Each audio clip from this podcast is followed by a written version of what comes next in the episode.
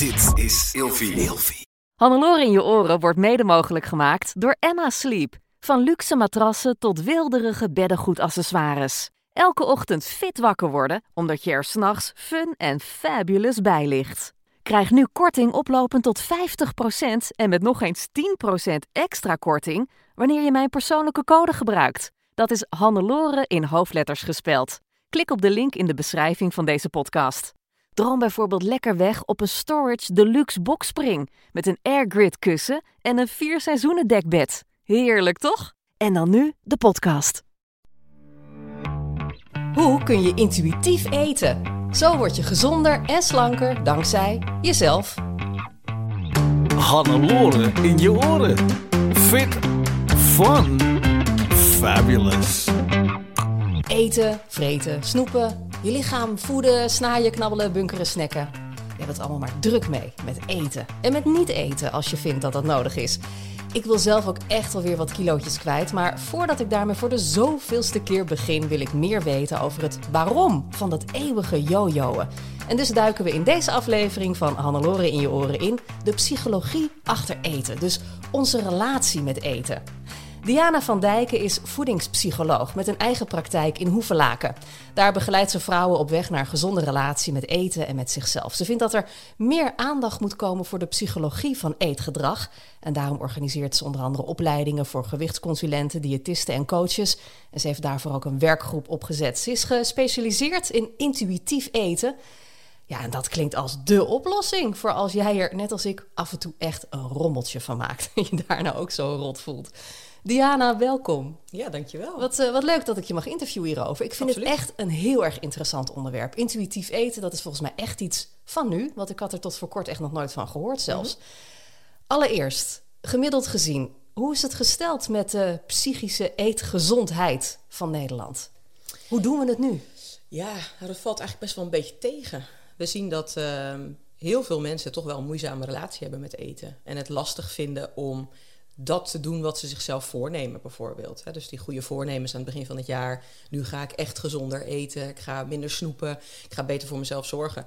Dat blijkt in heel veel gevallen nog helemaal niet zo makkelijk te zijn. En ehm, ja, we zien eigenlijk dat dat er dus in heel veel gevallen ook voor zorgt dat mannen, maar vooral ook vrouwen, daar is meer onderzoek naar gedaan, echt wel een lastige relatie hebben met eten. En dus veel vaker toch hè, last hebben van eetbuien bijvoorbeeld. Of in ieder geval meer snoepen en snijden dan ze eigenlijk zelf zouden willen. Ja, maar ja, want eten is zo belangrijk. Je kan er niet mee stoppen. Je moet Nee. het doen, maar je, je mag niet eten wat je wil eten.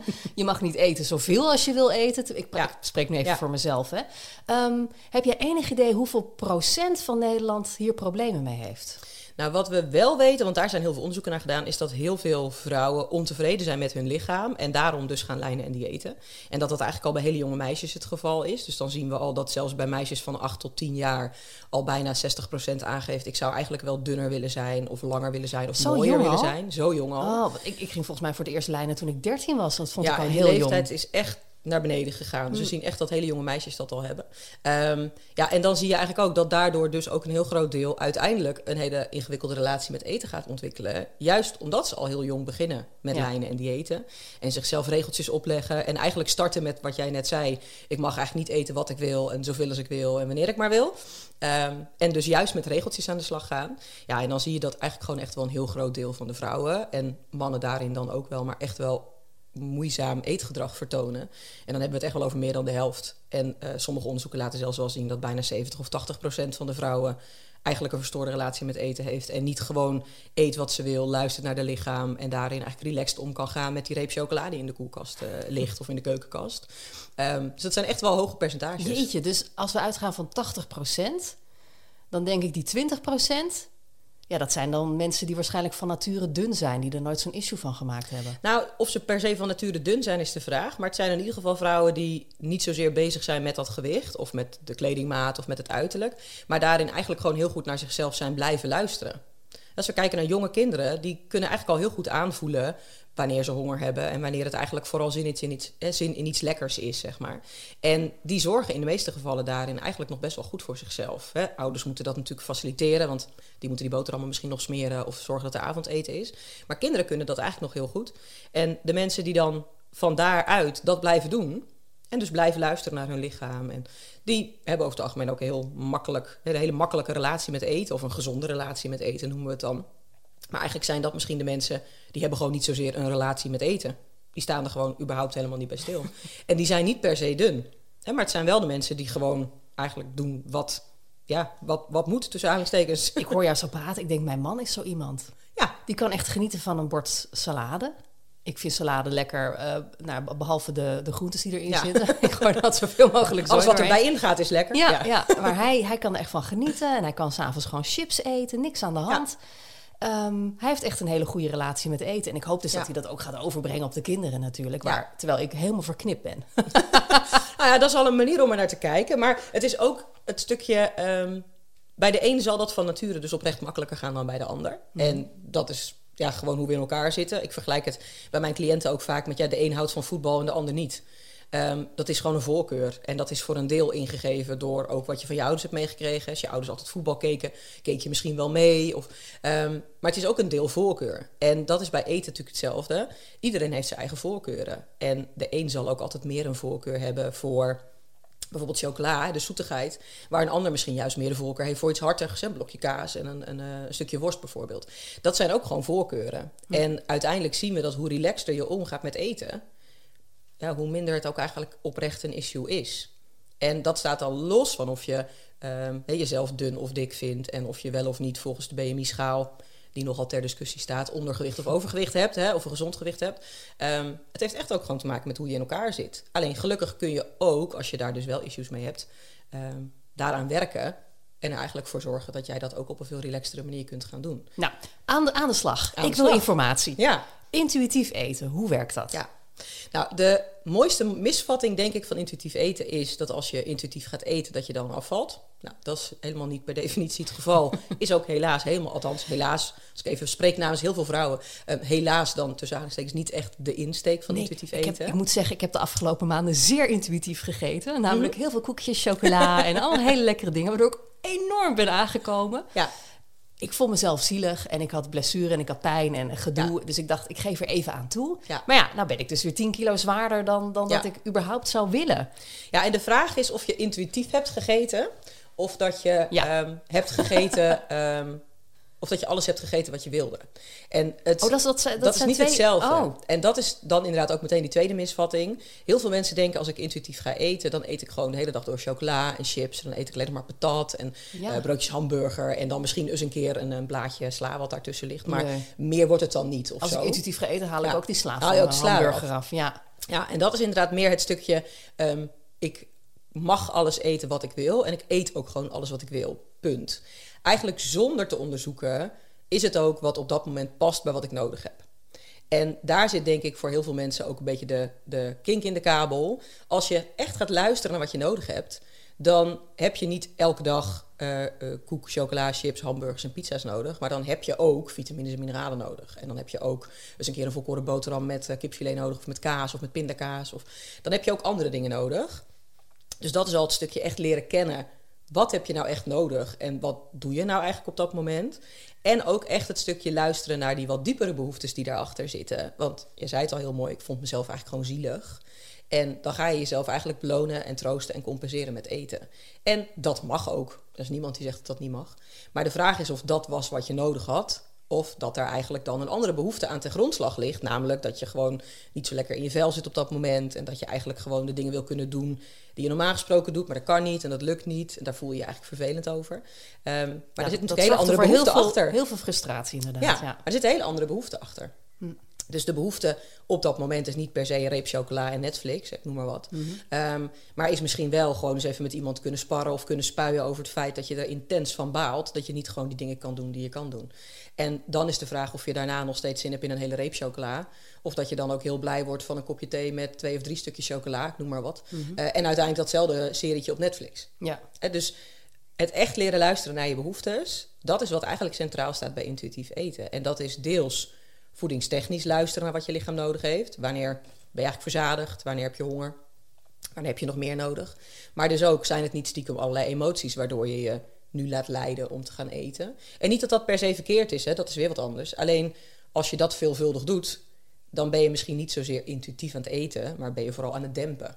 En ben je aan het eten omdat je eigenlijk niet wil voelen. Ja. Ja. dat heeft helaas dan niet zoveel met intuïtie te maken of met naar je gevoel luisteren. Ja, nou, dit is wel de spijker op zijn kop. Want ehm, het sporten was voor mij echt een uitlaatklep. Ik voelde Mhm. Ja. dat ik daar mentaal van opknapte. Ik was echt lekker bezig. Ja. Dus op het moment dat dat gewoon van het een op het andere moment compleet wegviel, Ja. raakte ik zo gefrustreerd. En had ik toch weer eh, ja, behoefte aan blijkbaar blije stofjes in mijn hoofd. Ja, Ja. daar zorgde dan die chocola voor. Ja, Dus dat eigenlijk geeft heel voldoening. logisch. Heel logisch. Ja, ja, ja. Dus dat is wel het verschil tussen inderdaad intuïtief eten. Hè, echt gaan luisteren naar wat je lichaam eigenlijk aangeeft. Naar wat je nodig hebt. Naar waar je blij van wordt. En eh, wat voor jou goed voelt. Of, we noemen het dan zo mooi entitlement eating. Ik heb er ook gewoon recht op om alles te eten wat ik wil. en vond dat ik doe op dat moment wel. Ja, Ja. Ja. Ja, Oké. Stel, ik wil intuïtief gaan eten. Er Ja. zijn tien basisprincipes, heb ik begrepen. Zag ik onder andere op jouw eh, Instagram-pagina. Klopt. Zullen we daar doorheen lopen? Ja, zullen we doen. Ehm, de eerste is het eh, meteen ook belangrijkste principe, maar voor heel veel vrouwen ook oprecht het allerlastigste principe. Zet de dieetbril af. Nou, wat we daar eigenlijk mee bedoelen is dat hele stukje, ehm, dat ideaalbeeld wat wij hebben bij lijnen en diëten. Als ik ga lijnen, als ik een dieet ga volgen, dan val ik af. En dan voel ik me veel beter en dan zit ik veel lekkerder in mijn vel en dan ben ik gelukkig. Maar ook gecombineerd met, dan kan ik wel die leuke baan vinden en dan kan ik wel die partner aan de haak slaan. En we hebben daar een bepaald ideaalbeeld bij eigenlijk, bij lijnen en diëten. En vooral bij het gevolg van, namelijk dat je afvalt. Ja, want als ik slank ben, dan lukt Als het ik slank ben, lukt alles. Ja. Ehm, nou, we zien dat dat helaas ook helemaal niet zo is. Hè. Ook slanke mensen hebben gewoon issues en problemen en dat soort dingen. Ehm, maar het is vooral ook het stukje dat de drang naar dat diëten... en dus dat ideaalbeeld wat daaraan gekoppeld is... dat het heel interessant is wat er gebeurt als je dat loslaat. Want als we heel eerlijk gaan kijken... de meeste vrouwen hebben op 30 of 40-jarige leeftijd... al 10 tot 16 verschillende diëten geprobeerd. Dat is niet voor niks. Als het eerste dieet had gewerkt, waren ze daarna gestopt. Was er niks meer aan de hand geweest. Nee, tuurlijk niet. Maar ze komen weer aan. Ze beginnen met het volgende dieet. Ze komen weer aan. Ze beginnen met het volgende dieet. En ehm, dat is eigenlijk heel logisch, want diëten werken ook niet. We zien, als we alle mooie wetenschappelijke onderzoeken op één hoop gooien, dat ongeveer 5% van de mensen, nou in het meest optimistische geval 15% van de mensen, die gaat starten met lijnen en diëten. Na 5 tot 10 jaar ook daadwerkelijk nog op het gewicht is wat ze eh, hadden bereikt met het afvallen toen de tijd. Voor al die andere mensen geldt eigenlijk dat ze weer aan zijn gekomen. En in veel gevallen ook nog wat extra's. Ehm, omdat je lichaam reserves opslaat. Ja. Vindt het fijn, kan het er weer tegen. En dan ben je aan het jojoen. En dan ben je aan het jojoen. En dan zien we eigenlijk dat jojoen ten eerste nog veel slechter voor je gezondheid is dan dat wij vaak denken dat een hoger gewicht voor je gezondheid is. Maar al zou je dat nog even terzijde laten, het feit dat het lijnen en diëten dus iets is wat constant blijft trekken, geeft vooral aan dat wij in een bepaalde cultuur leven waarin we natuurlijk het idee hebben dat dunner ook beter is. En we noemen dat dan zo mooi de dieetcultuur. De cultuur waarin dun zijn nog altijd beter is dan dik zijn. Ja, want slanke mensen zijn succesvol. slanke mensen zijn succesvol. Ja, en dikke mensen hebben geen eh, controle over zichzelf. Ja, eh, laten ze hebben geen gaan. wilskracht, Ja. geen discipline, geen doorzettingsvermogen. Precies. Dat dat ook weer helemaal niet waar is, is dan weer iets wat we heel makkelijk aan de kant zetten. We blijven toch er- ergens een soort van neigen naar dat idee dat het dan ook beter is om af te vallen en dunner te zijn. En dat wordt dus heel erg ingegeven door de maatschappij waarin we leven. Alleen die maatschappij kunnen we in ons eentje niet veranderen, zeggen wij dan als anti-dieetpsychologen en anti-dieet-diëtistes. Het enige stukje wat we in de hand hebben is hoe we daar zelf mee omgaan. En dan vragen we inderdaad vrouwen ook gewoon eens op papier te zetten voor zichzelf. Goh, wat heeft al dat lijnen en diëten jou eigenlijk gebracht? Wat heeft het je gekost? Wat voor verwachtingen had je eigenlijk? En wat bleek de realiteit te zijn?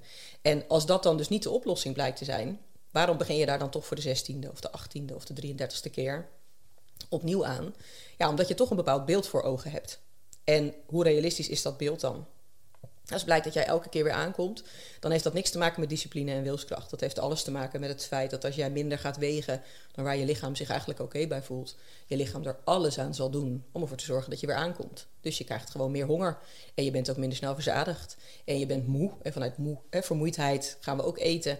Je krijgt het op een gegeven moment ook gewoon koud en dan voel je je oncomfortabel. En wat doe je als je je oncomfortabel voelt? Nou, iets te eten pakken. Dus alles in jouw lichaam zet dan ook aan om weer aan te komen. Ja. Dus dat is niet de oplossing. Maar wat dan? De oplossing is dus ten eerste je realiseren dat dat lijnen en diëten je echt oprecht nog niks heeft gebracht. Behalve heel veel frustratie, ehm, irritatie, heel vaak nieuwe kleren moeten kopen, heel veel verdriet. Nou, ik Nou, heb inmiddels alle in. kledingmaten wel in mijn In kast, de kast hangen. Ja, Nou, zo hebben heel veel vrouwen echt alles in de kast hangen van maat 38 tot 48, ja bij wijze van spreken. Ja hoor. Ehm, heeft dat geholpen? Nou, waarschijnlijk ook niet echt. Behalve dan dat je, afhankelijk van wat voor formaat je had, je in ieder geval kleren in de kast Nou, had ik was een paar weken geleden wel blij. Ik dacht, Ja. oh ja, ik, eh, ik heb Nou, dan, dan kan eh, dat heel fijn zijn, want de strakke kleren aantrekken word je ook echt niet happy van. Ehm, maar dat stukje realisatie, hey, dat dieet heeft me echt nog nooit wat gebracht, is al een hele belangrijke. Maar ook het stuk, als het wel had gewerkt, dan ehm, was ik blijkbaar dunner geweest en dunner gebleven. Alleen dat is niet zo. Dus iets in mijn lichaam maakt ook eigenlijk dat dat gewicht wat ik misschien idealiter voor ogen heb, gewoon helemaal niet realistisch is. En dat kan ongelooflijk frustrerend zijn. Als dat betekent dat je dus dikker bent dan dat je eigenlijk zou willen zijn. Maar dat stukje realisatie is al wel een hele belangrijke. Gekoppeld aan het feit dat als je echt gaat luisteren naar wat jouw lichaam je vertelt, wat wij in de westerse wereld al heel lang niet meer doen, want we laten ons leiden door ons hoofd, want we zijn druk en er moet van alles. Ja. Maar als we echt weer naar dat lichaam gaan luisteren, dan zien we wel dat dat lichaam geneigd is om, als we het geven wat het nodig heeft, eigenlijk naar dat gewicht toe te gaan wat past bij jouw lichaam. Dat is heel vaak voor heel veel vrouwen wel een gewicht wat net wat hoger is dan het gewicht dat ze eigenlijk zelf graag zouden willen hebben. Maar het is vaak wel een gewicht wat veel beter past bij ehm, ook een normale leefstijl. Dus bij gewoon normaal kunnen genieten van een bitterbal op vrijdagmiddag. En gewoon eens lekker een stuk taart kunnen eten. Gewoon omdat je daar zin in hebt. Maar ook bewegen op een manier die bij jou past. Als je dan een gewicht krijgt wat eigenlijk daarbij past. En de rest van je leven hoef je nooit meer na te denken over dat gezeik met pak ik één of twee koekjes of mag ik dit wel of nee, het is maandag, dus de rest van de week moet ik rustig aan doen. Zien we dat heel veel vrouwen zich daar zoveel beter bij voelen, dat het gewicht ook ineens veel minder een issue is. Ja, en ook zonder dat je denkt van, oh, ik heb vandaag al een stuk taart gegeten. Juist. Eh, vandaag is toch een verloren dag. Ik ga eens even eten Ja. eh, wat ik normaal niet Want dat is dus dat hoofd. Hè? Ja. Als je kijkt naar dat gevoel, we hebben een bepaald gevoel ergens bij en dat kan ons een fijn gevoel geven of een minder fijn gevoel geven. Maar als eten ons een slecht gevoel geeft, want ik heb er te veel van gegeten en ik zou het ook niet moeten doen en zie je wel, ik kan ook geen chocola in huis hebben, dan laten we ons eigenlijk leiden door allerlei gedachten en overtuigingen. En dat zijn eigenlijk allemaal gedachten en overtuigingen die onderdeel zijn van die dieetcultuur. Want wij noemen ehm, een, een stuk pizza, pizza ook een guilty pleasure. Bijvoorbeeld, daar zou je je eigenlijk schuldig over moeten voelen. Hoezo? Het is een pizza. Dus, eh, en een cheat day. Bijna elk dieet heeft wel zo'n cheat day. Dan mag je ineens wel alles eten wat je wil. Maar dan ga je natuurlijk ook alleen maar die dingen eten die je de rest van de tijd niet mocht eten. Tuurlijk. Dus heb je vaak ook heel negatief oordeel over. En dan is je dag mislukt als je dat stuk chocola hebt gegeten. Terwijl je jezelf had voorgenomen dat niet te doen. Maar doe je dat dan op dinsdag, ja, dan is ook eigenlijk gewoon die hele week verloren. Dus dan kun je beter maar weer op maandag beginnen. En dan zien we dat vrouwen dan juist in die periodes veel meer eten dan waar ze zich eigenlijk echt goed bij voelen. Terwijl op het moment dat je dat allemaal elimineert, je elimineert eigenlijk die ruis, al die gedachten, al die overtuigingen. En je gaat echt voelen, je gaat echt eten en genieten. Zien we dat vrouwen in de basis vaak veel gezonder eten. Dus het idee ligt er niet zozeer op dat je er slanker van zou worden. Hè, dat is echt niet de insteek van intuïtief eten. Maar we zien wel inmiddels, met de onderzoeken die ernaar gedaan zijn, dat vrouwen en ook mannen die intuïtief eten, in de basis vaak veel gezonder eten. Gewoon omdat ze weer daadwerkelijk zijn gaan eten op een manier die past bij wat ze eigenlijk nodig hebben. Ja. En intens genieten van die cupcake bij de koffie, hè, bij wijze van spreken. Maar zich daar dus ook niet schuldig over voelen. Waardoor de dag ook niet mislukt is. En de rest van het pak cupcakes dus niet ook opgaat. Nee, want je moet wel een beetje kunnen leven. Ja, je moet ook Ja. gewoon kunnen leven. En sterker nog, dat is echt wel de intentie ook bij intuïtief eten. Juist weer gaan eten en gaan leven op een manier die bij jou past. Waarin eten weliswaar heel belangrijk is, want zonder eten gaan we dood. Maar niet hetgeen zou moeten zijn waar in jouw hoofd de meeste tijd en aandacht naartoe gaat. Het zouden hele andere dingen moeten zijn. Ja. Oké, Dus dat is echt die dieetbril We hebben de afzetten. dieetbril hebben we afgezet. Die zetten we af. En wat doen we dan? Dan gaan we daarna leren luisteren naar dat hongergevoel en naar het verzadigingsgevoel. Het tweede principe is respecteer je honger. Wat we heel vaak zien bij vrouwen die lijnen en diëten, is dat als ze een eetschema volgen, ze dus niet gaan eten op het moment dat ze honger hebben, maar op het moment dat ze volgens het schema mogen eten. Dus als er staat dat je om tien uur een tussendoortje mag en dat tussendoortje is een appel, ik noem maar wat. Maar om half tien denk je, ja, ik heb eigenlijk hartstikke trek. Ja, dan mag dat niet, want om tien uur mag je een appel. Nou, misschien heb je helemaal geen zin in een appel, dat, terzijde- dat, dat terzijde. Maar goed, dan nemen we die appel. Ja. Ehm, dus het echt respecteren van honger is, wat, is iets wat we eigenlijk niet doen als we bezig zijn met lijnen en diëten. Want je gaat beknibbelen op je calorieën, op je koolhydraten, op je vetten, je gaat meer eiwitten eten, noem maar op. Alleen in heel veel gevallen zien we dat vrouwen die diëten eigenlijk altijd honger hebben. Want je eet minder dan wat je nodig hebt. Ja. Dus je lichaam geeft aan, hé, hey, ik heb niet genoeg energie. Dus je hebt honger, maar daar luisteren we niet naar. Nou, een van de belangrijkste dingen van weer daarmee in contact komen, is dus eerst gaan voelen, wanneer heb ik nou eigenlijk honger? Hoe voelt dat dan? En als ik dan honger heb, goh, wat zou er dan gebeuren als ik, gek idee, gewoon zou eten? In plaats van dat uit gaan stellen en dus later juist misschien wel een eetbui krijgen omdat ik hartstikke honger heb gekregen. Ja, dus dan neem je al meteen die appel. Neem je meteen die appel of dat waar je op dat moment dan daadwerkelijk behoefte aan hebt. Hè. Dat kan ook een broodje pindakaas zijn of ehm, een bakje yoghurt, maar iets wat past bij ik heb honger. Ehm, eigenlijk om te zien wat gebeurt er als je dat doet. En dat is echt het respecteren van dat hongergevoel. En wanneer heb je honger? Is het als je maag knort? Nou, je maag knorren is eigenlijk heel vaak je darmen Ja, ik ben inmiddels zo verknipt namelijk. Ik weet Ja. niet meer wanneer ik honger heb. Ik weet niet wanneer ik trek heb. Ik weet niet wanneer ik genoeg gegeten heb. Het werkt bij mij allemaal niet meer. Nee, en dat is dus ook een gevolg van lijnen en Ja, diëten. snap ik. Dat Maar we ja. heel vaak echt niet meer voelen. En dan begin je eigenlijk met gewoon eens uittesten ehm, hoe voelt... Nou, ik noem het altijd Hollandse honger, want we moeten ook realistisch zijn. Wij hebben in Nederland nooit echt honger. Nee. Ehm, maar Hollandse honger, als jij 's ochtends opstaat en je gaat niet meteen ontbijten... ehm, dan komt er ergens in de loop van die ochtend komt er een moment dat je denkt... en nu moet ik eten. Ja, wel heel snel bij mij. Ehm, maar, dat is, maar dat is honger. Ja. Weet je? En ehm, het is wel zo als je altijd 's ochtends om 7 uur ontbijt, ik noem maar wat. Dan zul je ook rond half acht, kwart voor acht, ga je al dat gevoel krijgen. Want je lichaam is gewend dat er om 7 uur ook eten in komt. Maar stel jij bent iemand die normaal gesproken opstaat en gewoon gaat ontbijten. Nou, ja, hoe het uitkomt. De ene keer is het 7 uur, de andere keer is het 9 uur. Dan is er niet een heel duidelijk signaal vanuit je lichaam wat, dat het altijd op hetzelfde tijdstip is. Ehm, en dan zie je eigenlijk dat als je dan dus gewoon wacht tot het moment dat je denkt, en nu moet ik echt eten, nou, dan heb je honger.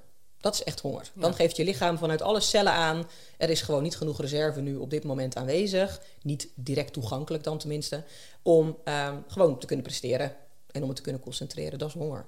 Alleen als je de keuken inloopt en je denkt, wat zal ik eens nemen?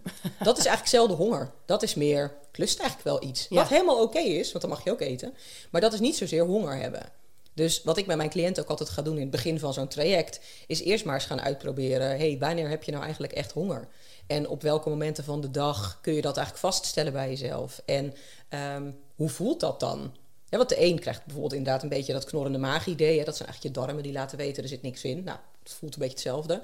Ehm, de ander geeft aan, ik word gewoon bloedzagrijnig. ja, ook dat. hangry. hè? Hangry. Enorm. Ja, Maar dat had- komt ook omdat er dan te weinig bloed naar je... of te weinig Ik had het glucose naar je brein gisteravond nog. Wij, wij eten normaal altijd om half zeven s'avonds. Mhm. En, eh, en ik was nog even aan het werk gisteren. En eh, op een gegeven moment dacht ik, kwart voor zeven, ik ga nu naar beneden. We aten restjes. Dus mijn man had de restjes opgewarmd.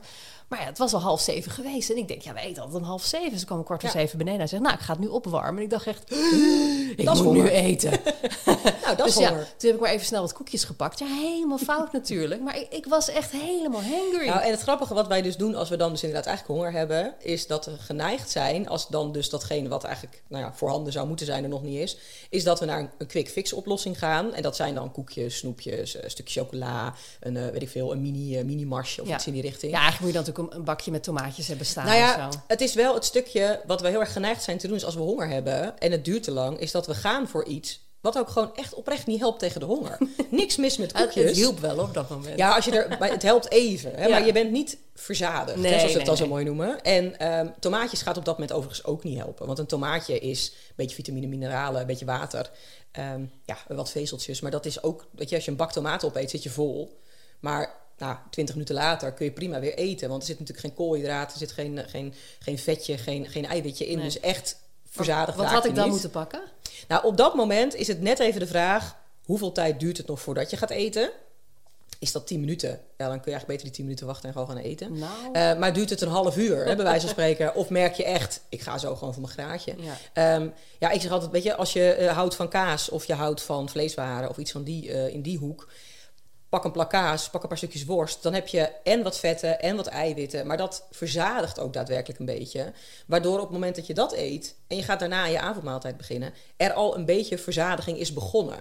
Terwijl die koekjes, dat is echt alleen maar een suikerpiek. En niks mis met die koekjes, niks mis met suiker. Het helpt alleen gewoon niet als je honger hebt. Oké. Het is bedoeld vast lekker. Dus volgende keer duik ik even de koelkast Even de in. koelkast in, Ja. weet je. En het is soms ook al wel gewoon een paar happen pakken van wat er al wel klaar is, hè, bij wijze van spreken. Want het is vaak ook, op het moment dat je maar begint met eten, dan komt eigenlijk die geruststelling naar je brein.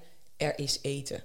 Relax, het komt goed. En, Ja, eh, soms denkt ons lijf nog steeds dat we in de grot zitten. Hè? En dat er Ja. gewoon een week niks komt. Nou, weet je, en het lastige is, dat leg ik ook altijd aan mijn, eh, ook aan mijn cliënten uit, maar ook aan de mensen eh, uit die ik opleid. We hebben het heel vaak over dat oerbrein en dat wij dat oerbrein niet meer nodig hebben. Nee, wij hier in het veilige Nederland niet. Maar laten we eerlijk zijn, er zijn op deze wereld nog heel veel plekken Waar het super fijn is dat wij als mensen nog steeds dat oerbrein hebben. Want als jij nu in Oekraïne, weet ik veel, zeven dagen in de schuilkelder hebt gezeten, is het heel goed dat jij alles wat voorbij komt aangrijpt om te kunnen eten. Dus wij hebben dat oerbrein nog steeds nodig. Alleen wij in het prachtige, welvarende Nederland, in de meeste gevallen niet. Maar het is nog steeds super fijn dat we hem hebben. Want op heel veel plekken is die gewoon nog nodig. Ja, dus, Hè, dus, dat die honger, dat heeft ook echt een functie. heeft echt een functie. En dat gaan we respecteren. Dan ga je het respecteren. En wanneer hebben we genoeg gegeten? Nou, dat is het verzadigingsprincipe. Ehm, en bij intuïtief eten pakken we hem als twee verschillende principes. Ik pak hem bij mijn cliënten altijd als één. Want je eet en daardoor raak je verzadigd. Dus als jij honger hebt en je gaat eten, dan komt er een moment dat je vol begint te raken. En ook dat gevoel zijn we vaak compleet kwijtgeraakt. Want Ja, bij een dieet... Ik stop meestal met eten als mijn man stopt. Nou, Dat dat, is de kan nieuwe het regel. zijn. Of als het bord leeg is. Of eh, hè, dat kan, kun je allerlei regeltjes voor hebben. Alleen bij een dieet is het natuurlijk vaak zo dat je niet voldoende mag eten. En als je niet voldoende mag eten, ben je natuurlijk ook niet verzadigd. Nee. Dus hoe voelt dat dan? Nou, dat moet je dus ook echt weer gaan uitproberen. Door echt te voelen, wat gebeurt er eigenlijk in mijn lichaam als ik eet? En wanneer heb ik het idee, hmm, nu zit ik vol. Of, oké, nu ben ik echt kotsmisselijk, ik hoef helemaal niks meer. Nou, dan heb je te veel gegeten. Maar de enige manier om dat weer in kaart te gaan brengen, is om het ook oprecht te gaan doen. En dus echt te kijken, oké, stel ik eet altijd twee boterhammen tussen de middag, of ik eet altijd drie boterhammen, ik noem maar wat. Ehm, en ik eet er twee, hoe voel ik me eigenlijk na die twee boterhammen? Denk ik dan, ik heb oprecht nog wat trek, ik lust echt nog wel wat? Of denk ik dan, nou, het is eigenlijk wel goed geweest, ik heb lekker gegeten, kan er weer een poosje tegenaan. En dat is het verschil tussen eigenlijk aangenaam vol zijn, gewoon lekker gegeten Voldaan. hebben, voldaan, kun je er weer tegen. Of inderdaad echt veel te veel eten en je eigenlijk gewoon rot voelen daarna. En niet per se vanuit gedachtes, oh wat stom, ik heb te veel gegeten. Maar ook echt een lichaam dat aangeeft, zo, dit was echt een beetje te veel, Ja, dus als je, zodra je moet gaan uitbuiken, is het Heb eigenlijk je eigenlijk te veel gegeten? En ook daarvoor geldt, als je dat eens een keer doet, weet je, gewoon met de feestdagen of omdat je een verjaardag hebt, gebeurt niks, kan je lichaam allemaal prima bolwerken. Alleen doe je dat consequent, dan eet je natuurlijk elke keer meer dan je nodig hebt. Ja. En dan gaat je lichaam daar ook om vragen. Want het went aan het feit dat jij meer eet, en wil het ook graag meer hebben. Ja, dus je moet gewoon een beetje gaan Je moet experimenteren. echt experimenteren. En daarin is het wel belangrijk dat je je ook realiseert dat als je heel snel eet bijvoorbeeld, ehm, dan ben je eigenlijk nooit verzadigd als je stopt met eten. Want dat kost ook tijd. hè. Je lichaam moet het ook doorgeven aan je 20 brein. minuten, hè? Ja, ik. we pakken heel vaak die 20 minuten, maar we zien ook, er zijn mensen die, zitten, die kunnen dat na 12 minuten prima voelen. Er zijn ook mensen die hebben er wel een half uur voor nodig. Ja. Het heeft te maken met hoe effectief eigenlijk de hormonen in jouw lichaam een seintje naar je brein geven. En dat brein vervolgens weer een seintje naar jou als persoon geeft om te zeggen, joh, je mag die mes en vork wel neerleggen. Ja, dat duurt bij de een wat langer dan bij de ander. Alleen we zien wel hoe beter je daarnaar leert luisteren, hoe beter het ook gaat werken. Krijg je veel eerder dat seintje. Ja. Maar dan moet je dus wel rustig eten. En bij voorkeur ook eten terwijl je eet. In plaats van achter laptop nog een essay uitwerken, televisie kijken. Dan is je brein met iets heel anders bezig. Ja, dus je moet echt gaan zitten echt met voelen. aandacht, goed kauwen, Echt even kleine voelen. hapjes. Nou ja, en dat in het begin vooral. Want als je het eenmaal gaat voelen, dan zijn de omstandigheden op een gegeven moment ook helemaal niet meer zo ontzettend bepalend. Want dan geeft je lichaam dat signaal even goed wel. Maar als je dat nog niet zo goed voelt, ja, dan is het niet heel handig als je ondertussen een hele spannende serie zit te kijken. Want dan is dat waar je focus is. Ja, je voelt niet eens dat je vol zit, totdat Nee, je bord leeg is. gedachteloos aan het snijden. gedachteloos aan het snijden. Ja. En weet je, niks mis mee. Ik zeg altijd, moet je helemaal zelf weten. Alleen dan voel je vaak daarna en de soort van wake-up call, huh? Mijn bord is leeg of huh? Die zak chips is leeg. Hoe kan dat? Nou, heb je toch zelf gedaan. Is niet erg. Je hebt het wel gedaan. Ehm, maar daarnaast ook, pff, is het eigenlijk hartstikke vol nu. En dat is natuurlijk ergens gewoon in heel veel gevallen niet zo'n prettig gevoel. Je kunt lekker vol zitten of inderdaad kerstdiner vol zitten. Ja. En dat voelt voor de meeste mensen stiekem toch niet zo heel lekker. nou, kun je erop letten. Ja. En dus dat is wel ook echt een hele belangrijke daarin. Jeetje, als ik jou zo hoor praten, denk ik eigenlijk is elk basisprincipe van het intuïtief eten wel een hele podcastaflevering waard. Makkelijk. ja. ja, makkelijk. Maar als we er gewoon zo even doorheen willen Ja. lopen voor het idee, dan kun je dus inderdaad die honger en verzadiging heel mooi bij elkaar pakken. Zeg altijd schildje in principe.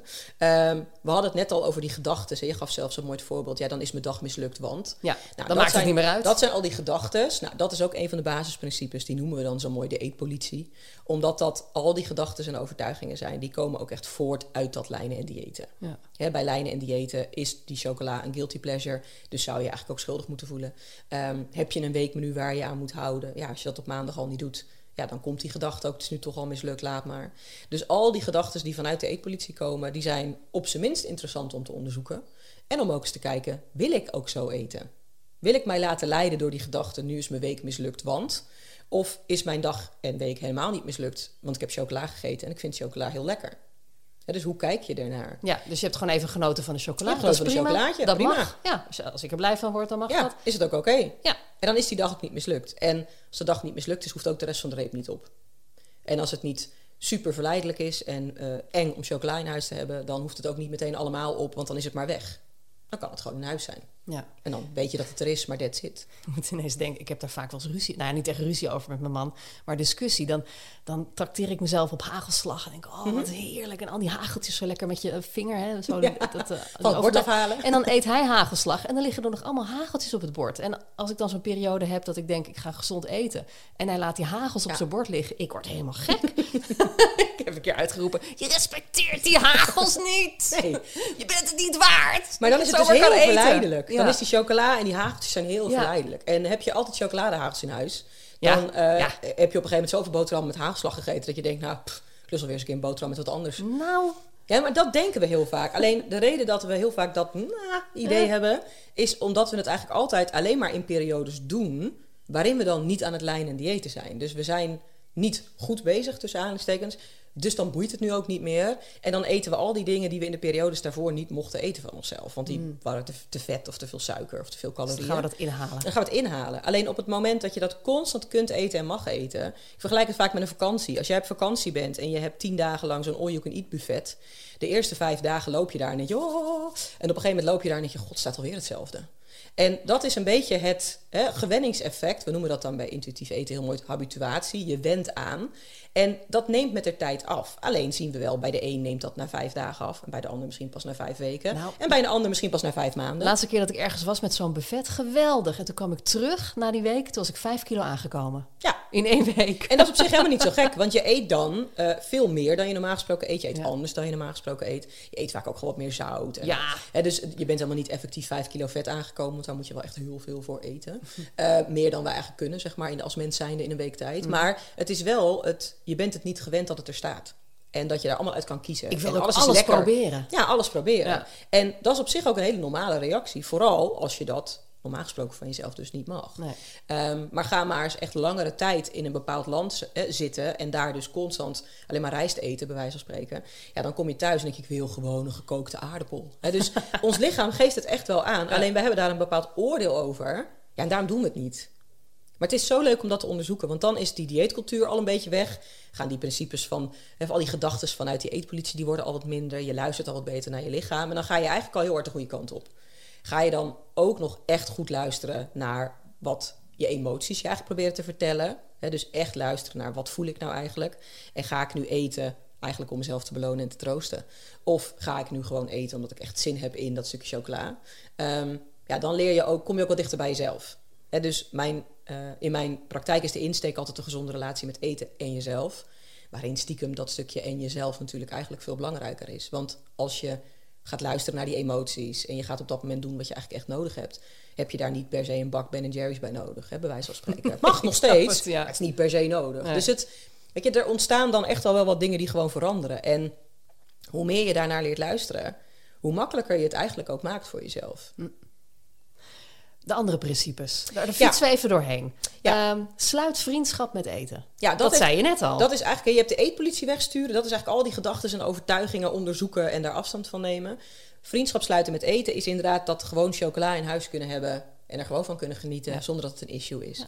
En dat noemen we eigenlijk inderdaad onvoorwaardelijke toestemming. Dus niet ik mag het alleen eten als het vrijdagmiddag is. Ook niet ik mag alleen maar twee stukjes. Maar ik mag het altijd eten. Maar wil ik het op dat moment ook echt eten? En is het ook echt wat ik nodig heb? Ja. Ontdek voldoening, hadden we het net over. Ja. Voel je verzadiging. Ja. Check, weten we ook nu. Wees lief voor je emoties. Dat is volgens mij een hele belangrijke. Want dat zeg je net ook. Hè? Dat emo eten, dat, dat moet je gewoon... Ja, Nou, je moet er iets anders mee. Ja. Kijk, en wat we vanuit de dieetcultuur zijn we heel erg geneigd om te zeggen: emotie eten is slecht. Want dan ga je dus Ben Jerry's eten en dat is ongezond, dat moet je niet doen. Ehm mm, A, Ben Jerry's is niet per se slecht, het is gewoon ijs. Ehm, maar het is vooral het stukje als jij consequent voorbij gaat aan je emoties, dan kan dat gewoon op heel veel verschillende vlakken ehm, problemen geven. Die emoties zijn er met een reden. Ze zijn er niet voor niks. En als je er niet naar luistert, dan merk je dus dat bepaalde eh, spanning zich op gaat bouwen in je systeem. En dan zien we dat als mensen heel langdurig emoties onderdrukken, dat hun bloeddruk omhoog gaat, dat hun hartslag omhoog gaat, dat ze vage klachten krijgen waarvan we niet meer zo goed weten waar ze eigenlijk vandaan komen. Dat is veel belangrijker. Los van of je nou daar achteraan nog een bak Ben Jerry's leeg schept. Het gaat om het feit dat als die emoties er zijn, ze ook de ruimte mogen krijgen om te onderzoeken. En wij zijn best wel geneigd dat niet te doen. Ja. Het is gewoon even aan de kant te duwen, want ergens is dat ook wel, ja, misschien wel makkelijker. Hoeven we er ook niet bij stil te staan. Nee, het kan ook niet altijd, maar het zou wel moeten natuurlijk. Nee, kijk, je hebt altijd momenten waarop iets je kan aanvliegen, waarop je merkt, ja, oké, nu kan het echt even niet. Maar dan heb je de optie om te denken, dit kan nu echt even niet.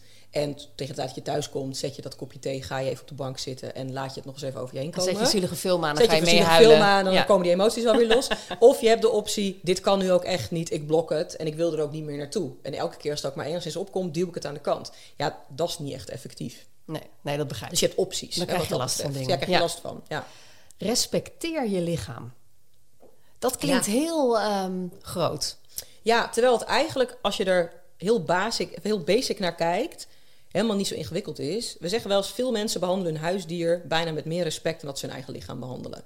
Ja, als een huisdier pijn heeft, neem je hem mee naar de dierenarts. Als je merkt dat dat dier last heeft van de voeding die hij krijgt, ga je onderzoeken of hij andere brokken nodig Tuurlijk, heeft. want zo'n dier is helemaal afhankelijk Tuurlijk, want zo'n dier is helemaal afhankelijk van jou. Alleen van wie ben jij afhankelijk? Ja, van jezelf. Ja. Dus het heeft vooral te maken met een stukje respect. En respect gaat eigenlijk vooral over jezelf die dingen geven waar je als mens ook gewoon nou, ten eerste recht op hebt. Eten, drinken, slaap. Maar ook waar je als mens behoefte aan hebt. Ehm, verbinding met andere mensen. Uitdagingen in je werk omdat je dat belangrijk vindt.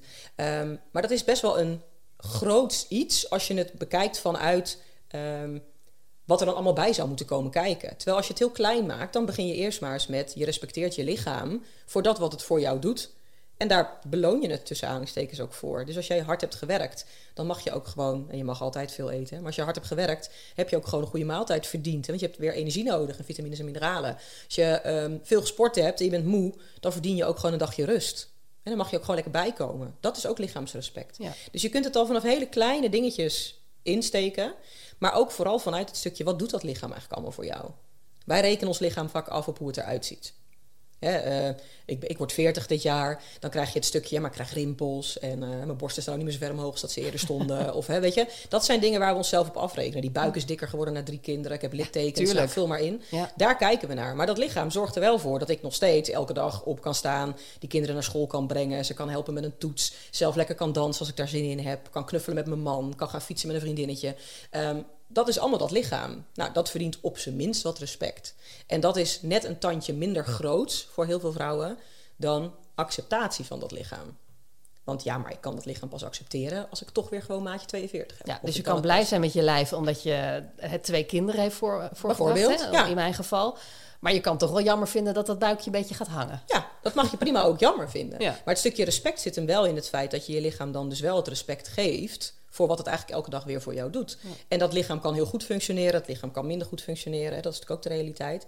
Maar dan nog doet het elke dag van alles voor jou. En dat verdient op zijn minst een beetje waardering. Nou, Ja. Dat noemen we dan respect voor je lichaam. Ja. Nou, is een, is een ander belangrijk basisprincipe eer je gezondheid. Ja. Dat, dat- ja, het klinkt een beetje hetzelfde. Ja, en dat heeft ook wel weer veel meer te maken met het grotere plaatje. Gezondheid linken wij heel vaak aan eten, slapen, bewegen. Alsof dat een beetje de Ja, basis is. is er maar. meer dan? Nou ja, dan heb je dit, vooral als je kijkt naar die emoties bijvoorbeeld. Mhm. Het stukje stressreductie, eh, om leren gaan met je eigen gedachten. Daarin je eigen pad uitzetten. Ehm, mentaal gezond zijn. Hè, dus doen wat jij belangrijk vindt. Ehm, hè, dat kan in je werk zijn, omdat je daar voldoening uit haalt. Het kan zijn dat je vrijwilligerswerk doet. Of eh, net wat jij daadwerkelijk belangrijk vindt. Dat be- bepaalt voor een heel groot deel ook onze gezondheid. En op het moment dat wij het hebben over eer je gezondheid, vanuit het intuïtief eten dan tenminste, is dat dus ook vooral dat veel grotere plaatje van gezondheid. Tuurlijk is het belangrijk om vitamines en mineralen binnen te krijgen, maar het is net zo belangrijk om zonder schuldgevoel te kunnen genieten van dat stukje chocola. Ehm, ja, het is belangrijk om eh, geld te verdienen zodat je een dak boven je hoofd hebt en überhaupt eten op tafel kan zetten. Maar als je dan in de positie bent dat je werk kunt doen waar je ook voldoening uit haalt, waarin je goed om kan leren gaan met de stress die er is of met de werkdruk die er is, dan beïnvloedt dat je gezondheid ook terdege.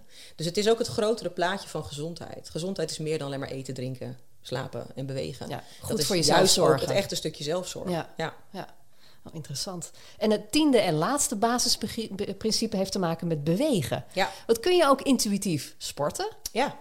Ja, de reden dat we, hem in, dat we hem inderdaad vanuit bewegen pakken is eigenlijk omdat als we sporten, zien we dat heel veel vrouwen gaan sporten gelinkt aan een dieet. Dus ik wil graag afvallen. Vanaf nu ga ik 1500 calorieën eten, ik noem maar een dwarsstraat, en ik ga drie keer in de week sporten. Ja. En op het moment dat dan het streefgewicht bereikt is, of het blijkt gewoon echt niet haalbaar te zijn, dan flikkeren we dat dieet uit de deur. Prima, moet je ook altijd doen. Maar dan stoppen we ook met sporten. Ja, dan worden we alleen nog sponsor Dan van zeggen we, nou, dan gaan we ook niet meer sporten. Ja. En dan heb ik nog wel het abonnement. Ja. Ik betaal trouw elke maand, maar ik ga niet. Ehm, waar we vanuit intuïtief eten heel erg naartoe willen... en eigenlijk vanuit de positieve gezondheid en vanuit de psychologie... is dat je beweegt omdat je merkt dat je dat prettig vindt. En niet met een doel, zoveel honderd calorieën moet ik verbranden binnen een half uur. Of zoveel stappen moet zoveel ik zetten. stappen moet ik zetten. Of zoveel kilometer moet ik hardlopen, anders stelt het niet. Nee, op gevoel. Wat vind jij nou eigenlijk prettig als het aankomt op beweging? En we zien dat de ene dan heel fijn vindt om gewoon lekker in de woonkamer met muziek op te dansen. Maar echt met geen mogelijkheid de sportschool in te slepen is. Prima. Waar een ander misschien eigenlijk ook wel echt blij wordt van die sportschool. Omdat je merkt dat je kracht toeneemt. Of omdat je merkt dat je conditie beter wordt. Maar de insteek is altijd, je beweegt omdat het jou een goed gevoel geeft. En heb je echt een gloedhekel aan bewegen, dan ben je het ook aan niemand verplicht om dat te doen. Dus dat is ook weer de andere kant. Je mag bewegen. Je hoeft het niet te doen. Nee. Voor je gezondheid zien we dat het zowel fysiek als mentaal oprecht voordelen heeft als je lekker beweegt. Maar dat zijn net zulke grote voordelen als je een paar keer in de week lekker dansend eh, in je woonkamer staat. De kindjes met de fiets naar school brengt. Of eens een keer lopend je boodschappen haalt. Als dat dat drie keer in de week knallen in de sportschool is. En de rest van de week doe je niks. Dus het heeft ook weer te maken met het eigenlijk onderdeel maken van beweging in jouw dagelijk, dagelijks leven. Lekker wandelend eh, met, naar een speeltuintje, even de hond uitlaten. Nou, vul maar in. Dat zijn allemaal vormen van beweging. Waarin we ons ten eerste minder ehm, soort van geforceerd aan het bewegen zijn. Want we doen het omdat we het leuk vinden. En we hebben daarna ook minder de neiging om onszelf dan dus te belonen voor het feit dat we hebben gesport. Ja. Waar we dat in de sportschool natuurlijk vaak wel doen. Ik heb Ja. zo goed gesport, nu mag ik wel een stukje appeltaart. Ja. Dat mag je altijd, daar hoef je niet voor te sporten. Maar het laat al zien dat je dat sporten dan blijkbaar eigenlijk in de basis zelf ook niet zo leuk vindt. Nee, het sport is niet de want je hebt beloning. er een beloning voor ja, nodig. ja, ja, ja. Ja, dus het is ook, en weet je, wij doen dit nu ook. Het is ook met een glimlach kijken naar hoe wij dingen eigenlijk aanpakken. In sommige dingen zijn wij gewoon best wel verknipt geraakt in de loop der tijd. En ja, waarom eigenlijk? Ja, allemaal om dat lichaam maar zoveel mogelijk te manipuleren. Nou, we nou eens uitgaan van het principe dat dat lichaam helemaal geen manipulatie nodig heeft, maar wel zorg, dan kijk je er al op een hele andere manier naar. Is het effect heel anders? Het resultaat waarschijnlijk ook. En dan val je misschien niet die 15 kilo af. Maar zit je wel super lekker in je vel en ben je wel een stukje gezonder.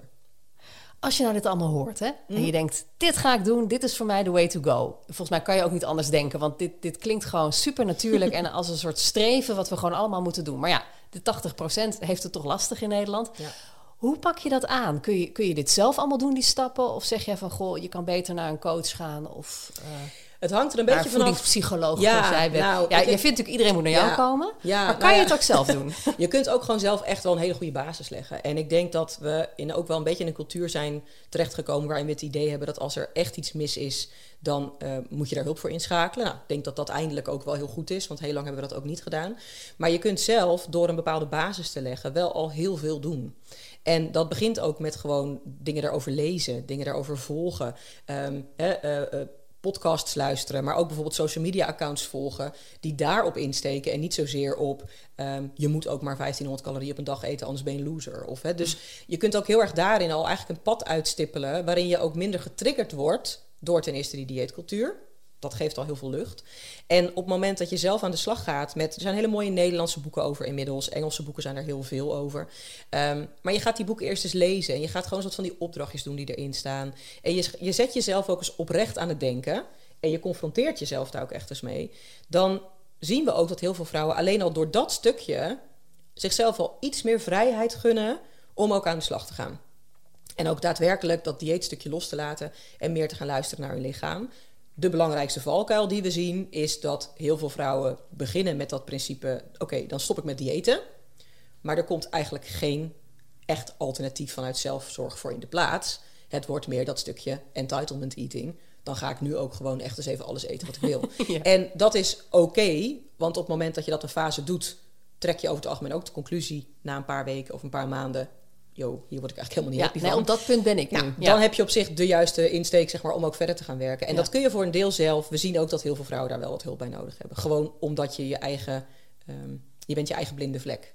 Dus het is moeilijk om jezelf een spiegel voor te houden Mhm. en echt eerlijk antwoord te geven op wat er speelt. Waar een ander dat natuurlijk veel makkelijker doorziet. En dat kan ook een vriendinnetje zijn, of een zus, of eh, een, een, een leuke moeder van het schoolplein, die bij wijze van spreken er gewoon heel anders in staat. Die ziet ook eerder aan jou, als jij op het schoolplein staat, dat het misschien eigenlijk even niet zo lekker met je gaat, waar je dat zelf vaak nog niet eens door hebt. Dus je hebt niet per se een coach nodig. Soms is het ook iemand anders die gewoon eens even met je meedenkt. Maar dan wel iemand die zelf ook dat lijnen en dieet heeft losgelaten. Want anders dan, nou ja, dan werkt Dan versterkt het elkaar Dan versterkt natuurlijk elkaar een beetje. Ja. Ja, je zei net, eh, je kan Instagram-accounts volgen voor inspiratie. Waar ben jij te vinden op Instagram? Ik ben te vinden onder voedingspsycholoog, dus dat is heel makkelijk. Ehm, en ik deel inderdaad heel veel tips, trucs rondom intuïtief eten en een gezonde relatie met eten. Andere accounts die heel leuk zijn om te volgen zijn ook het Centrum voor Intuïtief Eten. Ik werk ook met Marijke samen. Wij geven opleidingen ook samen aan, eh, aan professionals. Ehm, Inzicht in eten is ook een hele leuke. Femke is dat. En ehm, ja, er zijn steeds meer accounts die zich echt zetten op dat stukje tijd dat we echt eens het even anders gaan doen, dames. Want dit is niet hoe het werkt. Dus alsjeblieft, laat het los. Dat zijn gewoon superleuke accounts ook om te volgen. Omdat ze allemaal tips en trucs delen, gratis en voor niks. Die je in ieder geval allemaal al met je mee kunt nemen... om toch die basis een beetje te zetten. Ja. En als je naar podcasts wil luisteren, je hebt ook je eigen podcast. Ja, klopt. Ja, ik heb de anti-dieet podcast. ongegeneerd Ja, nu. de anti-dieet podcast. Dus ik maak inderdaad allemaal podcast afleveringen over een gezonde relatie met eten. Intuïtief eten is daar een onderdeel van. Het gaat ook in het algemeen over de psychologie van eetgedrag, of over de dieetcultuur, over zelfzorg. Ehm, ja, eigenlijk kan je het zo gek niet bedenken als het te maken heeft met nou eigenlijk vrouw zijn in deze tijd, dan komt het wel voorbij in de onderwerpen. Ehm, dus die is natuurlijk ook hartstikke leuk om, eh, om te volgen. En ook daarin weer de Intuïtief Eten podcast, of zeker nog, het is Intuïtief Eten, de podcast. Daar ben ik ook regelmatig te gast. Die is ook gewoon helemaal ingezet op intuïtief eten. En op jou eigenlijk vrijheid geven op dat vlak. En ervoor zorgen dat je eindelijk weer een wat lekkere relatie met eten kunt ontwikkelen. Ik kan niet wachten. Ja. De conclusie is dus eigenlijk, eh, zorg goed voor jezelf, wees lief voor jezelf en luister naar je lichaam. Absoluut. Zelfzorg dus. Ja, Diana, dank je wel. Eh, binnenkort ehm, wil je nog een keer komen. leuk. Want ik wil nog wat meer weten over die, eh, over die zelfzorg. Want Ja. dat vond ik echt een heel interessant punt. En daar heb ik nog zoveel vragen over. Lijkt me een goed idee. Dank je wel voor nu. Graag gedaan.